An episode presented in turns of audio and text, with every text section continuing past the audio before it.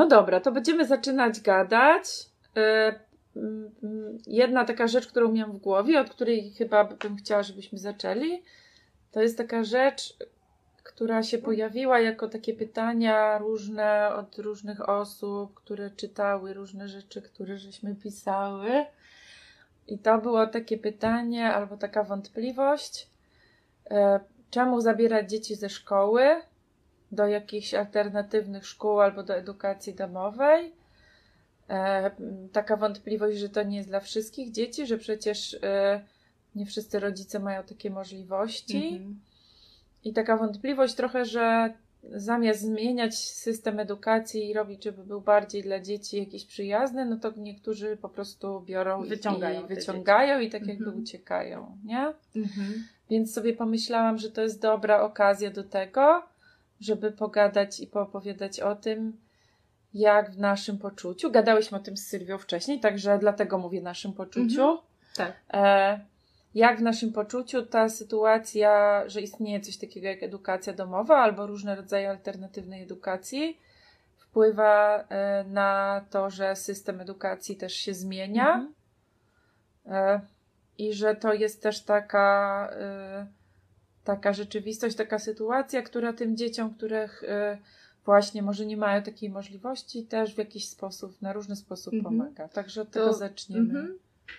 To ja sobie myślę, że ten taki pierwszy sposób, na który no, to pomaga... mi podoba się ta historia, co opowiadałaś. Tak, to jest taka trochę nasza historia z naszego no. życia, bo ja postanowiłam y, zmienić y, dzieciakom w szkole, jak już rozpoczęły y, taką edukację systemową. Byli w przedszkolu takim systemowym, osiedlowym, potem poszli do osiedlowej szkoły ale ponieważ ja coraz y, bardziej jakoś siedziałam w tych tematach i, i w zasadzie odkąd pojawił się pomysł szkoły demokratycznej, to chodziłam na pierwsze spotkania, jeszcze gdzieś do jakiejś takiej szkoły polsko-francuskiej, pamiętam, gdzie się spotykali rodzice, którzy w ogóle chcieli pogadać o edukacji demokratycznej. No i jak ja się, jak już tak zdecydowałam się, bo coraz więcej rzeczy mnie tam w tym naszym systemie uwierało, Yy, to nagle wszyscy byli mega zdziwieni, ale dlaczego po drugiej klasie ja się decyduję szkoły podstawowej na to, żeby zmienić dzieciom yy, yy, jakoś te, to środowisko edukacyjne, no i tak jak rozmawiałam z nimi i, z, i zresztą też z wychowawczynią, no to oni po prostu się zaciekawili. W ogóle y, jakoś y, uświadomili sobie, że jest coś takiego jak edukacja demokratyczna, y, edukacja domowa, Mm, gadaliśmy o ocenach i dlaczego te oceny mnie tak uwierają, że ja bym chciała, żeby to było trochę inaczej. No a jakoś trudno sobie było y, wtedy y, wyobrazić y, tym y, współrodzicom i w ogóle, że to, że, to, że, że, to, że to mogło być, ale zaczęli czytać i się tym interesować i potem na urodzinach, bo też cały czas jesteśmy w kontakcie z z kolegami Szymka z tamtej klasy, no to się dowiedziałam, że jeden tata pociągnął temat i on tam cały czas na zebraniu y, dopytuje, przed, mówi, że on też poczytał i że on widzi w tym sens, żeby tych ocen nie było, albo żeby było, było ich mniej, albo może żeby to dzieci same się oceniały. Więc ja mam takie poczucie, że tym naszym wyjściem z klasy trochę tam gdzieś zamieszałam, mhm. zainspirowałam ludzi w ogóle do poczytania, do. No i w ogóle trochę przejęli z tego, co na tyle, na ile ja wiem. No, no to ten temat został pociągnięty, pomimo tego, że mnie już w klasie nie było, że były y, y, rozmowy na zebraniach się toczyły nadal. Dziękuję Ci Maciek za to. Czyli, że trochę taka sytuacja może mieć miejsce, że e, takie dziecko, które trafia gdzieś do jakiejś alternatywnej edukacji, do edukacji domowej, e, pociąga ze sobą cały łańcuch osób, które się gdzieś dowiadują o tym, że jest taka rzeczywistość, że jest taka możliwość. E, zaczynają zadawać sobie różne pytania, zaczynają pytać, czym to się różni, mhm. zaczynają pytać, czy to jest możliwe, że dziecko bez, bez szkoły, bez klasy, bez. Y, bez ławek jest w stanie się nauczyć, zaczynają pytać, jak to jest możliwe, że dzieci w edukacji domowej do egzaminu się uczą dwa tygodnie przed egzaminem, albo pół godziny dziennie. Tak, albo jeden dzień przed egzaminem. Też tak czasem bywa, nie? Mhm. Więc y, zaczynają wszyscy, którzy gdzieś się z tą rzeczywistością y, stykają, zaczynają sobie zadawać różne pytania, których sobie wcześniej nie mhm. zadawali. Taki ferment się robi, nie? Tak, nie? tak. Taki Jakaś taka energia, która która gdzieś sprzyja zmianie. Mhm. Nie? kolejna, kolejna rzecz, która gdzieś tam mi się y, kojarzy z tą sytuacją, to jest coś takiego, że kiedy mamy dzieci w szkole i kiedy wszystkie dzieci są w szkole, to y, wszystko, co wiemy na temat tego, jak dzieci, jak ludzie się uczą, wiemy z tej sytuacji, obserwacji, badania, nie przyglądania się dzieciom szkolnym. I w momencie, kiedy są dzieci, które nie są w szkole, to dopiero wtedy możemy zadać sobie pytania, jakby w jak, jak w jakiś inny sposób może przebiegać proces uczenia, rozwoju się, o co w tym chodzi. Mhm. Trochę y, mi to przypomina taką sytuację jak z porodami. Mhm. Nie? Czyli y, mamy taką sytuację, że większość dzieci się rodzi w szpitalach i y, ta rzeczywistość szpitalna jest taką rzeczywistością, w której wiele rzeczy na temat takiej wiedzy na temat porodu się gdzieś tam buduje.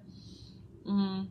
Trochę nikt nie kwestionuje, że jest pewna grupa ludzi, którym taki poród w szpitalu jest bardzo potrzebny z różnych względów bezpieczeństwa mhm. zdrowotnych, medycznych, tak? Że, mhm. to, że to nie jest taka rzeczywistość, w której kwestionujemy, że, że to jest niepotrzebne i niech wszyscy idą rodzić do domu ale każda sytuacja porodu domowego pokazuje na temat fizjologii tego procesu takie rzeczy, których w szpitalu się nie da dowiedzieć i mhm. zaobserwować. I zobacz, i to jest trochę tak, jak o tym mówisz, że kiedyś to była norma, żeby robić, rodzić w domu, nie? Kiedyś to była jakby I jedyna możliwa jest, sytuacja. Tak. Yy, I wydaje mi się, że z edukacją było podobnie, że, było, że, było. że kiedyś po prostu dzieci się uczyły zawodu od swoich rodziców, w ogóle, albo w ogóle od, się uczyły. Albo, od, albo od swoich rodziców, albo od jakichś innych dorosłych, którzy byli w danej albo... wsi i którzy, tak, bo to nie zawsze też było tak, że dziecko że jakby to nie jest tak, że, po, że, od zawsze jest szkoła i zawsze potrzebowaliśmy y, szkoły, żeby cywilizacyjnie znaleźć się tu, gdzie jesteśmy. Tak, tylko też ja myślę, jako... że właśnie bardziej edukacja domowa jest tym podstawowym sposobem uczenia się.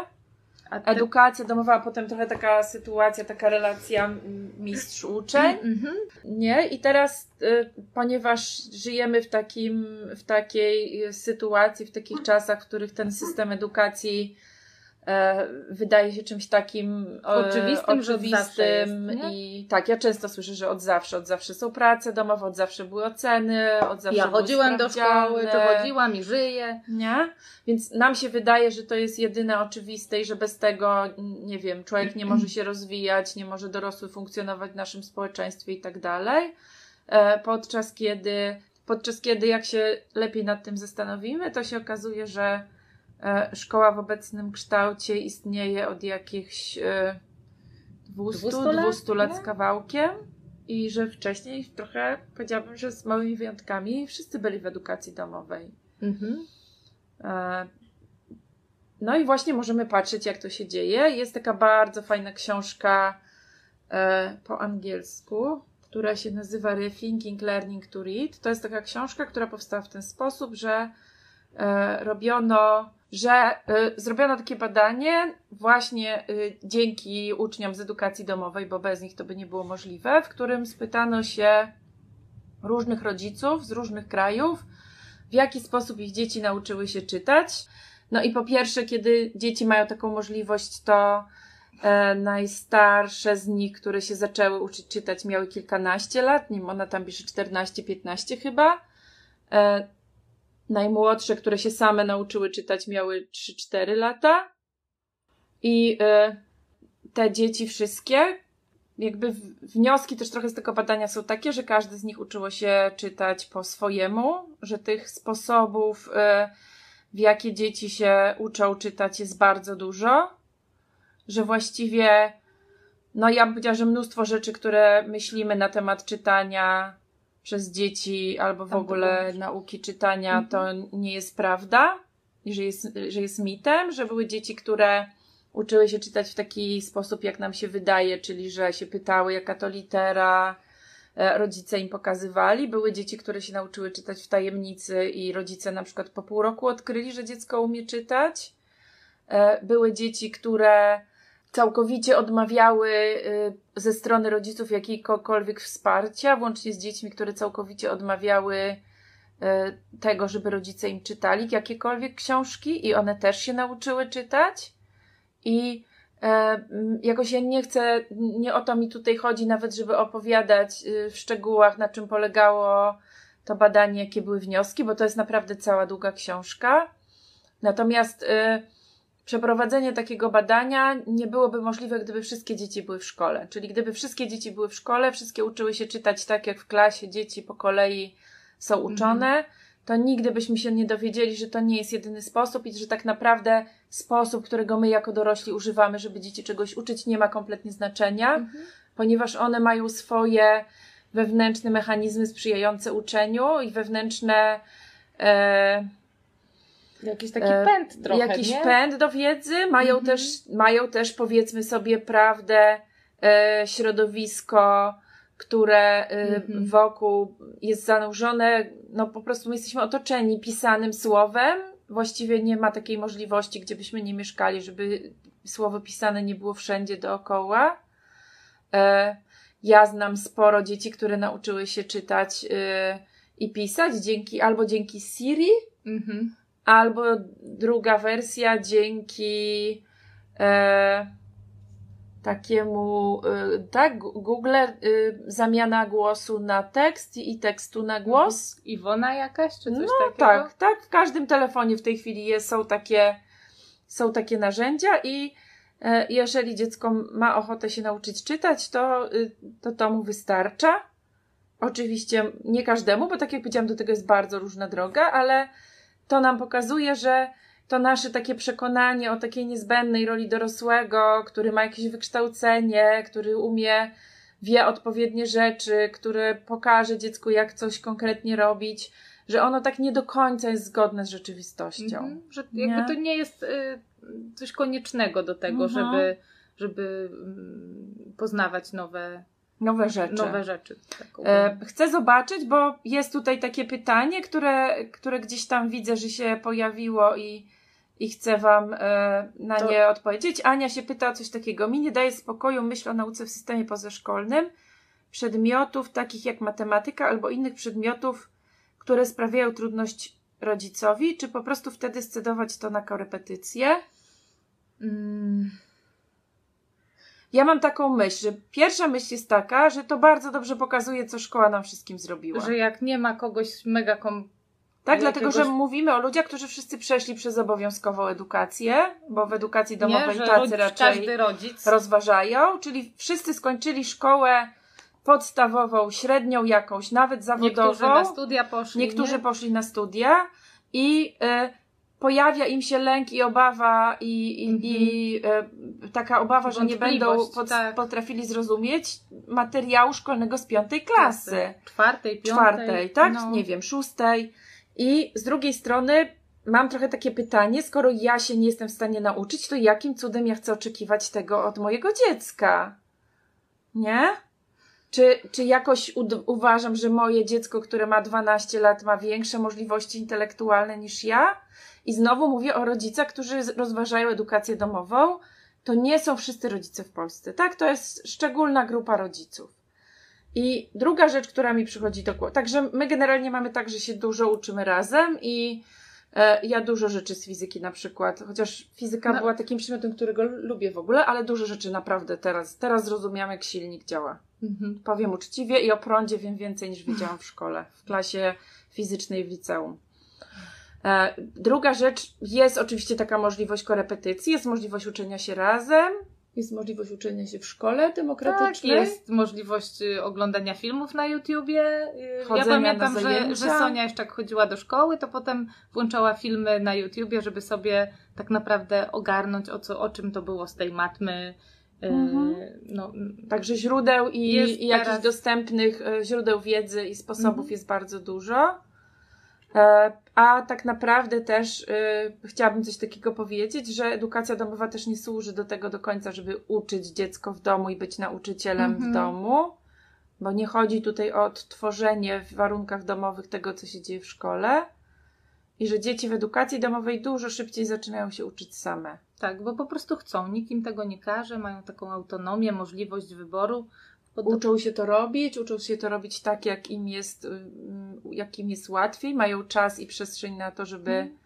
zrobić po to swojemu, po swojemu, to zrobić bez tego całego stresu, który no, często z którym nam y, dzieciom po prostu trudno się uczyć w szkole, przez to, że są mhm. bardzo zestresowane i jakoś nie czują się bezpieczne. Także taka obawa, że y, dziecko, które w wieku licealnym zapragnie wrócić do szkoły, to, że ono sobie nie poradzi, no bo będzie właśnie takim wolnym ptakiem, który w ogóle nie, nie umie, nie wiem, usiąść w ławce i, i przesiedzieć mhm. te 45 minut to doświadczenia y, wszelakie na ten temat są takie, że jeżeli już ktoś ma taki plan, żeby wrócić do szkoły, a zdarza się, że dzieci mhm. z różnych powodów taki plan mają, dzieci, młodzież, to zazwyczaj dużo lepiej umie się samodzielnie uczyć, umie swoją pracę planować i wraca też do szkoły z taką umiejętnością brania odpowiedzialności za swoją naukę, za swój czas, za swój czas i z, i z taką pełną świadomością, po co tam idzie. Mhm. Że zobaczcie też, że osoba, która z edukacji domowej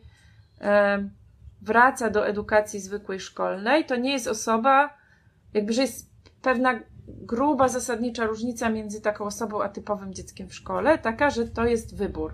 Mhm. I myślę, że to jest taki element też, który gdzieś tam e, taka edukacja alternatywna i edukacja domowa pozwala nam kwestionować to, że E, obowiązkowa edukacja, przymus edukacji jest jedyną możliwą e, opcją. Jakąś w ogóle opcją, żeby, żeby ktoś kształcone tak, społeczeństwo. Żeby ktoś chciał nie? się uczyć, nie? Że, że to jest taki moment, kiedy zaczynamy się zastanawiać, czy, czy właśnie przymus jest najlepszym sposobem. Zaczynamy zastanawiać się nad tym, co też Peter Gray bardzo mocno mówi, że e, że jest bardzo, bardzo gruba różnica między prawem do nauki, prawem do edukacji, a przymusem edukacji w jakimś konkretnym e, środowisku, w jakiś konkretny sposób. Mhm. Tutaj Sylwia pisze, to my się musimy odszkolić, to najtrudniejszy proces. Mm, my jako pewnie rodzice, jako, jako dorośli. dorośli. Ja tak, też uważam, tak, że, że dzieci, to... dzieci sobie z tym lepiej radzą niż dorośli. Dzie- ja pamiętam zdziwienie moich dzieci, jak przyszły do przedszkola czy do szkoły i miały taki w ogóle, wiecie, zupełnie inny pomysł, jak to tam będzie, nie? Mhm. Że ten pomysł, na, że byli mega zdziwieni tym pomysłem edukacyjnym, który tam im został zaserwowany w szkole. Takie właśnie siedzenie, czekanie. Yy, ja pamiętam, jak sobie świetnie, yy, dużo różnych strategii znajdował mój syn, żeby na przykład, nie wiem, nie brać udziału w lekcjach i zajmować się tym, co lubi, jakimś rysowaniem. Co też jest ważne, tak, nie? Bo, byciem w kontakcie bo, bo z często, innymi Bo często jest tak, że kolegami. dziecko ma różne rzeczy, których właśnie przez y, jakby ilość czasu, którą pochłania szkoła, nie mogą robić, nie mogą się nim zajmować. I to jest bardzo częsta rzecz, że dzieci, które trafiają do edukacji domowej, do jakiejś edukacji alternatywnej, właśnie pierwsze co robią, to siedzą na drzewach, dużo czasu spędzają ze sobą, rysują, robią takie rzeczy, na które do tej pory nie miały czasu i przestrzeni. Mhm. Ja chcę odpowiedzieć na dwie rzeczy, dwa takie wątpliwości, które tutaj. To jedno, co Andrzej tu napisał, zobacz. Mhm, że z podręcznikami coś chyba jest nie tak, skoro rodzic ma obawę przed, yy, tak? Czy mm. tłumaczenie materiału szkolnego na, na poziomie piątej klasy? Ja powiedziała, że podręcznik w ogóle nie jest y, najbardziej wygodną strategią. Jest bardzo dużo różnych strategii na to, y, jakby skąd można czerpać wiedzę, skąd można się uczyć różnych rzeczy, jak można robić, żeby różne rzeczy lepiej rozumieć. Więc ja bym w ogóle zaczęła od tego, że jak, wyda, jak wyobrażam sobie, do czego można wykorzystać podręcznik. Podręcznik to jest często potrzebny głównie po to, żeby rodzic wiedział, y, co jest y, w programie, co jest w podstawie programowej, żeby rozumiał trochę, co to dziecko E, w danym roku ma zrobić. Otwieram podręcznik i widzę, że dzisiaj to, w tym roku to jest geografia Polski, albo otwieram podręcznik, przyglądam, widzę historia starożytna, ciało człowieka i mniej więcej wiem, w jakim obszarze się poruszam. Natomiast to, co robimy razem z dzieckiem, może się brać z bardzo różnych źródeł. E, Sylwia tu trochę mówiła o, o YouTubie. Jestem. E, ktoś pisał o Khan Academy. Ja polecam mhm. księgarnię z tanią książką i e, osiedlowe rejonowe biblioteki. To jest skarbnica e, z wiedzy wszelakiej. I na każdy dowolny temat, jaki byście w podręczniku nie znaleźli, nie znaleźli znajdziecie 50 fajnych książek, e, źródeł, materiałów, filmów przyrodniczych, gier, e, gier aplikacji, no. z których można korzystać. Wcale podręcznik jakby nie jest jedynym źródłem i powiedziałabym, że jak ktoś y, widzi podręcznik i go to zniechęca, to to jest naprawdę duża zachęta, żeby pójść i e, szukać inaczej. I też mam poczucie, że takie różne grupy, grupy na Facebooku, fora dotyczące edukacji domowej są takim bardzo dobrym źródłem, żeby mhm. e, popatrzeć i popytać ludzi, z czego oni korzystają, z jakich źródeł, mhm. gdzie chodzą, gdzie patrzą, bo to jest takie miejsce, gdzie można się dowiedzieć i, i jakby właśnie no, i to jest szko szkoda i marnowanie potencjału edukacji domowej, żeby zostawać przy podręczniku. Mhm. Chcę odpowiedzieć na to pytanie, które zadała tutaj e, jedna z Was. E, a Sylwia napisała, ja też się bałam, ale uspokoiłam się po webinarium Zago. Kiedyś daliśmy radę, to i teraz odświeżymy wiedzę. Poza tym szkołę przyjazne ED oferują darmowe warsztaty. E, Iwona pisze, że to w większych miastach, mniejszych lub na, na wsiach ciężko z takimi warsztatami. E, to jest bardzo różnie, bo na przykład do niektórych szkół y, jeździ się na takie warsztaty na przykład na dwa dni, na warsztaty takie wyjazdowe. Czasem można pojechać na wycieczkę, czasem można do większego miasta pojechać na wycieczkę, zobaczyć tam po prostu różne rzeczy. Myślę, że edukacja domowa też bardzo sprzyja mm, jeżdżeniu, jeśli ktoś, ktoś ktoś jest w stanie i podróżowaniu i korzystaniu z tej opcji, ale jest też bardzo dużo form online. Czyli można z bardzo wielu form wsparcia, pomocy, inspiracji,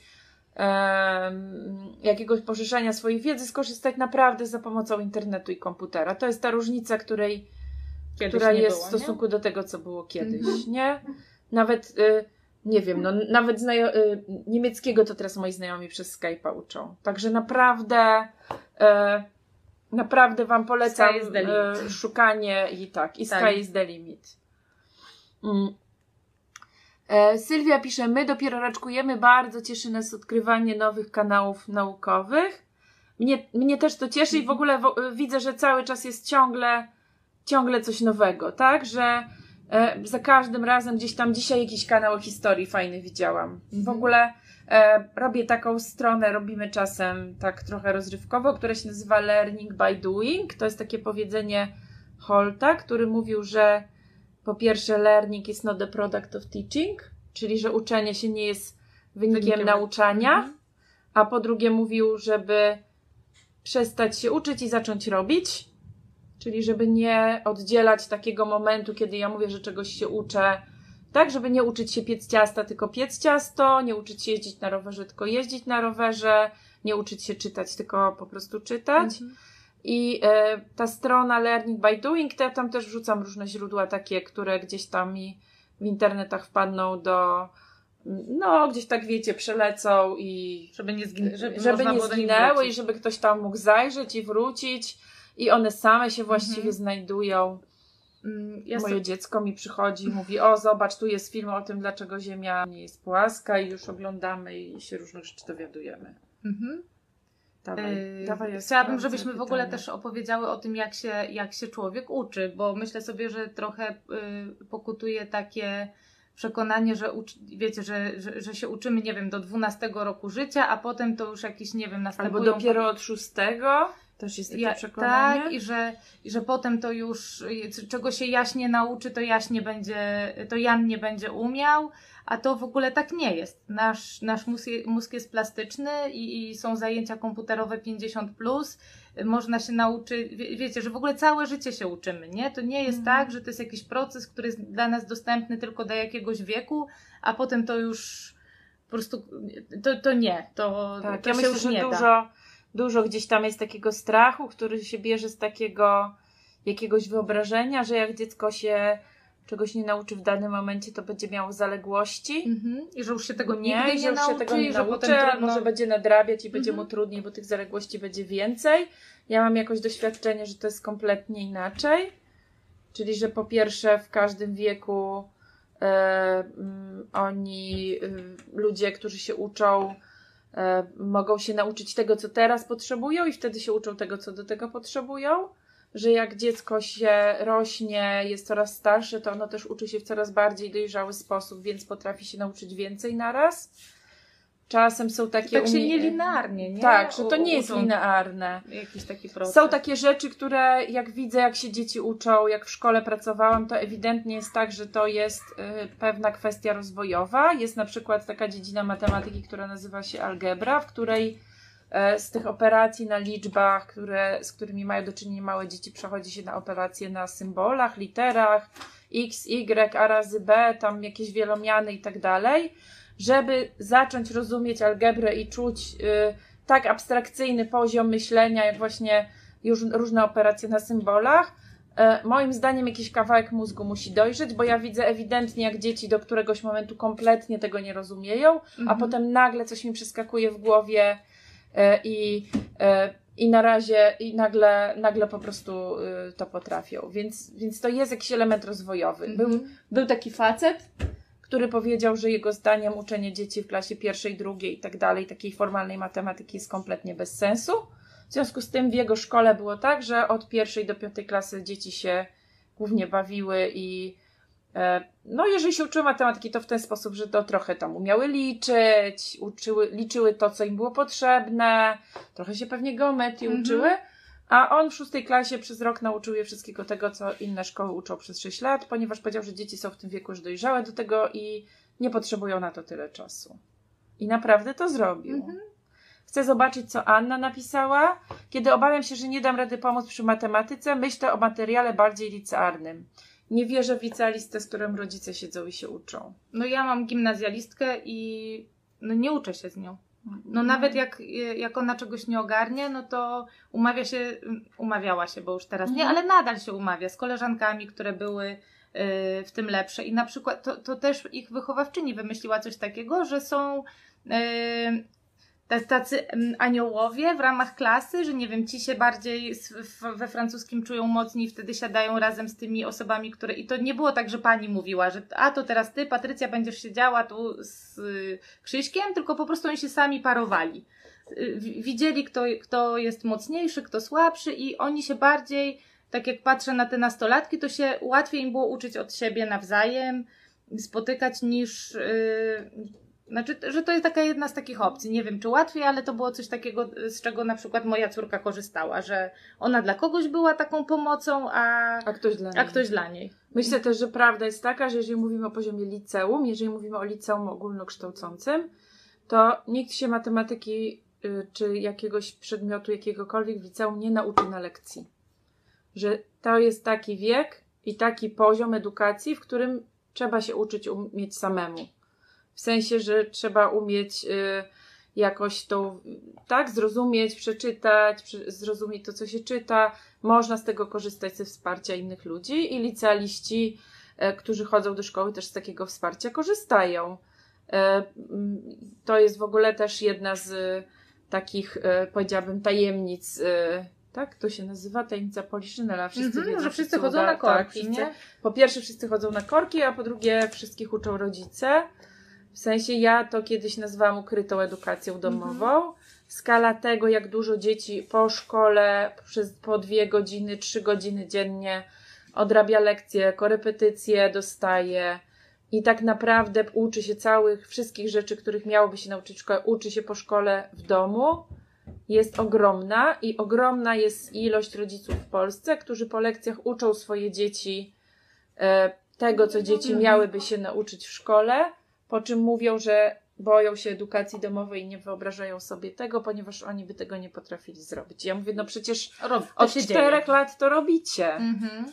Nie? Mhm. I rozumiem, że y, jakby szkoła daje pewne poczucie bezpieczeństwa i takie poczucie, że y, jest ktoś inny, mhm. kto to trzyma. Jest tak jakaś tak kontrola. Tak? Także ja rozumiem y, obawę wyjścia, wyjścia w nieznane, ale z drugiej strony warto sobie to powiedzieć, że ilość dzieci, które uczą się tego, co jest w programie szkolnym poza szkołą, jest w Polsce ogromna. Mhm, to jest chyba I, większość. I to nie są tylko te 14 tysięcy dzieci, które się uczą w edukacji domowej. To jest mhm. dużo, dużo, dużo więcej. Mhm. Bo jeżeli dziecko w edukacji domowej potrzebuje pół godziny dziennie e, pouczyć się tak w taki jakiś bardziej zorganizowany sposób, żeby opanować cały materiał, no to dziecko, które się po szkole uczy dwie godziny dziennie, z pewnością nie uczy się w szkole. Ja jeszcze chcę zadbać o pytanie Anny też. To to jest takie pytanie, które też bardzo często się pojawia. E, ja trochę tak rozumiem, bo jakoś widzę, że chyba nie, skoń, nie skończyło się to pytanie, ale ja myślę, że, bo myślę, że to chodzi o taki kawałek kontaktów społecznych w edukacji mhm. domowej. Mm, Nie? Mam Zobacz. obawy, że edukacja U jedynaka. u jedynaka, że, Tak. że jakoś... Tak się e, domyślam, że to chodzi o to, Mhm. jak to dziecko będzie się socjalizować i tak Mhm. dalej, e, jak ono nie będzie chodzić do szkoły. Pierwsza rzecz jakaś, która mi przychodzi do głowy, to jest taka, że są różne formy edukacji domowej, że można się razem spotykać, umawiać na tą edukację domową. E, Dzieci, które są w edukacji domowej, nie siedzą zamknięte na klucz w domu. Tak. I na pewno nie siedzą, nie siedzą 8 godzin dziennie zamknięte na klucz w domu. One wychodzą z domu, chodzą po ulicy, chodzą do sklepu, jeżdżą w różne miejsca z rodzicami, e, nie wiem, e, chodzą na pocztę, no nie wiem, gdzie byśmy sobie nie wymyślili, z niektórymi rodzicami chodzą do pracy i e, mają dużo, dużo różnych kontaktów społecznych z innymi dziećmi, ale też z innymi dorosłymi. Mają kontakty społeczne z dużo większą, róż- dużo, dużo bardziej różnorodną grupą ludzi niż dzieci, które uczą się w, w szkole. Mhm. Dlatego, że Sylwia tu pisze, że szkoła nie jest dobrym miejscem e, do socjalizacji. No trochę też jest tak, że są dzieci, wiecie, wszystkie y, w jednej grupie wiekowej, w jednej klasie. Tak jak sobie patrzę, z iloma mm, dzieciakami w różnym wieku y, można mieć kontakt, jak się jest w edukacji I z domowej. iloma ludźmi, z iloma w ogóle dzieciakami. ludźmi, jak można różne swoje, jak, mm, jak trochę się zajmować tymi młodszymi, a dostawać wsparcie od tych starszych. Już jak tam znalazłeś jakiegoś, to pewnie, że sobie weź. Że też myślę sobie, że szkoła nie jest e, najszczęśliwszym miejscem do socjalizacji nie dlatego, że e, nauka w społeczeństwie to jest właśnie ta sztuczna grupa rówieśnicza, o której Anna pisze, ale druga rzecz, która mi przychodzi do głowy, to jest coś takiego, że szkoła nie bardzo się nadaje do socjalizacji, bo przez 45 minut lekcji nie trzeba się socjalizować, tylko trzeba Tak, uważać tak, i nie patrzeć można w tablicę, nie rozmawiać. można rozmawiać, nie można przeszkadzać. Kręcić Nie można się kręcić, a potem jest 10 minut przerwy, na której wszyscy wrzeszczą i latają. E, Ja pracowałam w szkole akurat w gimnazjum, ale żeśmy, jak żeśmy czasem chodzili do podstawówki, która była przy tym samym podwórku, coś załatwić, to tam był dźwięk na przerwie jak, Mhm. jak na płycie lotniska. Mhm. Ba- Więc- bardzo wysokie Tak, więc to naprawdę nie są warunki do tego, żeby się socjalizować. Owszem, są potem jakieś świetlice, dzieci wychodzą po szkole, e, razem się spotykają, ale to jest to samo, mogą robić co dzieci w edukacji domowej. Także ja myślę sobie, że to też pokazuje bardzo, że wokół tego, co się dzieje w szkole, jest dużo takiej mitologii. Nie? Czyli Mhm. dużo takich wyobrażeń, jak to wygląda. Tam, tam są Nie? koledzy i, i ten, ale często ta taka zabawa ma miejsce już po szkole, na placu zabaw, w domach, jak się dzieciaki Czasem jest tak, że dzieci się kolegują, przyjaźnią z dziećmi z innej klasy, Mhm. ponieważ jest sporo takich dzieci, które wcale jakoś nie czują się dobrze i komfortowo z ludźmi dokładnie w swoim wieku i one w swojej klasie nie znajdują kolegów i przyjaciół. Mhm. E, Tak, to, że ktoś ma 20-30 dzieci w klasie nie jest absolutnie gwarancją na to, że on y, e, Jakoś znajdzie jakoś tam, y, y, będzie miał tam duszę. kolegów i przyjaciół, bratnią duszę. O. Że moje dziecko w czasie, gdy jestem w pracy, siedzi przed kąpem i że nie miałabym cierpliwości i odpowiedzialności za proces, to ja bym powiedziała tak. Ja bym chciała tutaj, żeby była jasność, że nam nie chodzi też o to, żeby wszystkich namówić na edukację domową, bo tak jak powiedziałam, mamy poczucie, że to nie jest strategia dla wszystkich i że mm, jest część takich, którzy wybiorą właśnie edukację szkolną i w szkole i warto, żeby wiedzieli, że ta edukacja szkolna też się może zmieniać, dlatego że jest edukacja domowa i się o tym mówi i rozmawia. Ale to, co Ania ty pisze, rzeczywiście jest taką ważną kwestią, że przynajmniej na początku szkoły, na początku nauki szkolnej jest taka potrzeba, żeby jakoś zorganizować dziecku czas i opiekę, bo ten wiek, w którym y, właśnie jesteśmy w stanie zaufać dziecku i zostawić je na ileś tam godzin w domu na przykład, albo na ileś godzin no nie tylko w domu, bo, bo jak sobie wyobrażam dziecko, które może zostać na 8 godzin w domu, to to jest dziecko, które może autobusem pojechać w różne miejsca i, i pociągiem, czyli raczej nastolatek. Natomiast jak myślimy sobie o małym dziecku, dziecku, które ma, nie wiem, 6, 7, 8 lat, no to to jest dziecko, które nie zostaje na cały dzień w domu, tylko rzeczywiście e, wyzwaniem jest zorganizowanie opieki i takie dzieci raczej nie są w takiej konstrukcji edukacji domowej, że rodzic y, idzie na 8 godzin do pracy, a dziecko zostaje w domu. Także myślę, że to są jakieś y, różne sytuacje. Nie, że małe dziecko jest inaczej, starsze jest inaczej. Ze starszym dzieckiem jest też trochę tak, że jak ono y, przestaje chodzić do szkoły, bo to są czasem takie, tak, jak, jak jest dziecko małe i od początku jest edukacji domowej, to ja myślę, że my też widzimy, co ono robi i czy ono w ogóle, że my znamy swoje dziecko i widzimy, czy to jest możliwe, żeby ono cały dzień siedziało na kąpie, nie? Czy to w ogóle jest jakoś z naszym dzieckiem, nie wiem jak to powiedzieć, no czy w ogóle nam to pasuje do naszego dziecka, że ono mogłoby tak zrobić i to jest jedna A ja rzecz. myślę, że też to mo- można o tym porozmawiać, nie? Że Tak. trochę dziecko y, y, to jest nowe, cały ten internet, ekrany y, i jakby my nie mamy takich doświadczeń jako dorośli y, życia w, z, z tabletami, Netflixami i tak dalej, a, a to jest coś, co będzie już zawsze obecne w Chociaż ja życiu. miałam trochę takie doświadczenie, że jak byłam w wieku licealnym, to też byli tacy dużo na kąpach No siedzieli. ja na Walkmanie słuchałam. oni sobie teraz dobrze radzą w życiu. tak, jakby ja sobie Tak, myślę, że to nie widzę, o to chodzi, że albo Widzę w internecie, co oni robią, na przykład niektórzy, co chodzili ze mną do szkoły, to sobie bardzo dobrze radzą, a też Mhm. siedzieli dużo Gry piszą, No. albo ja na przykład y, Szymek lubi takiego jednego youtubera y, od Minecrafta i on na przykład mówi, że on i zajmuje się tym zawodowo, jest y, mm, jakoś tam internetem, nie wiem, czy pisze, pisze jakieś gry i też nagrywa te filmiki o tych Minecraftach i mówi, że on już naprawdę ma dosyć tego internetu i że on szuka takich okazji, żeby być przed nim jak najmniej, więc sobie myślę, że to jest taka kwestia, wiecie, trochę zakazanego owocu, że jak czegoś bardzo nie możemy i wokół jest tego y, jakiejś kwestii tak strasznie dużo napięcia, to może to jest coś, że fajnie o tym porozmawiać, poszukać, y, dlaczego ten ktoś tak długo chce mm, być przed tymi ekranami, jakie to potrzeby mu zaspokaja, bo to nie jest tylko rozrywka, ale tak jak tu gadamy, to jest często źródło informacji, dla naszych dzieciaków to jest Tak, też jak ja bym siedziała bycia 8 w godzin przed kąpem, bo piszę, chociaż ja 8 godzin na raz to bym nie dała rady, nie? Ale jak siedzę kilka godzin przed kąpem i piszę książkę, to nikt nie ma zastrzeżeń. Mhm. Zastrzeżenia się pojawiają wtedy, kiedy wydaje nam się, Mhm. że to, co dziecko robi, jest jakieś niepoważne, marnowaniem czasu, a ja myślę, że to dziecko może, może też w ten sposób Mhm. się uczyć. Tak, ja sobie myślę, że to nie o to chodzi, żeby być policjantem, tylko po to, żeby trochę wspierać dziecko w tej regulacji i gadać z nim o tym, słuchaj, jak ty się czujesz, jak tyle godzin yy, grasz. I trochę bez doświadczenia grania, nie wiem, dłużej niż zwykle, trudno też sobie poobserwować, jak to mi jest w ciele. Nie? Że jakby to też No. można wykorzystać jako, yy, jakby pogadać o tym, a nie mm, tylko zabronić i jakoś udawać, że tych, yy, nie wiem, że, że nie ma już, że nie ma Tak, teraz internetu. A co jak te twoje dzieci będą chciały pójść na studia? W ogóle czy to możliwe? Więc ja chciałam powiedzieć, że jak najbardziej jest to możliwe. Wszystkie dzieci zdają egzaminy na sam na koniec roku. Nie ma y, takiej możliwości w Polsce, żeby dzieci nie jakoś nie tej y, podstawy o- programowej o- o- nie Tak, zaliczyły. obowiązkowej edukacji nie przechodziły Tak, tych wszystkich Więc etapów. dzieci mają świadectwa, mogą, jakby e, chcę powiedzieć, że nie zamykam drogi takiej, i takiej możliwości do dalszej edukacji, jeżeli moje dzieci będą chciały iść na studia i będą chciały, nie wiem, mm, by one mają wszystkie świadectwa, są, my jesteśmy chyba bardziej tacy doopiekowani, bo ja już w zeszłym roku w poradni psychologiczno-pedagogicznej, żeby dostać zgodę na edukację domową i teraz chłopcy wchodzili do, no, do nowego et- etapu edukacyjnego i znowu spotkaliśmy się O, z pozdrawiam, pedagogiem. z Chica- Chicago pozdrawiamy. I z psychologiem, więc słuchajcie, mm, to jest też tak, że dużo wsparcia się dostaje. I wsparcia, no czasami jest trudne to wsparcie, bo takie wiecie, trochę jak do jeża podchodzą Ale jest. czasami do nas, ale jest. Ciągle Całusy- pokazuje kciuka w górę.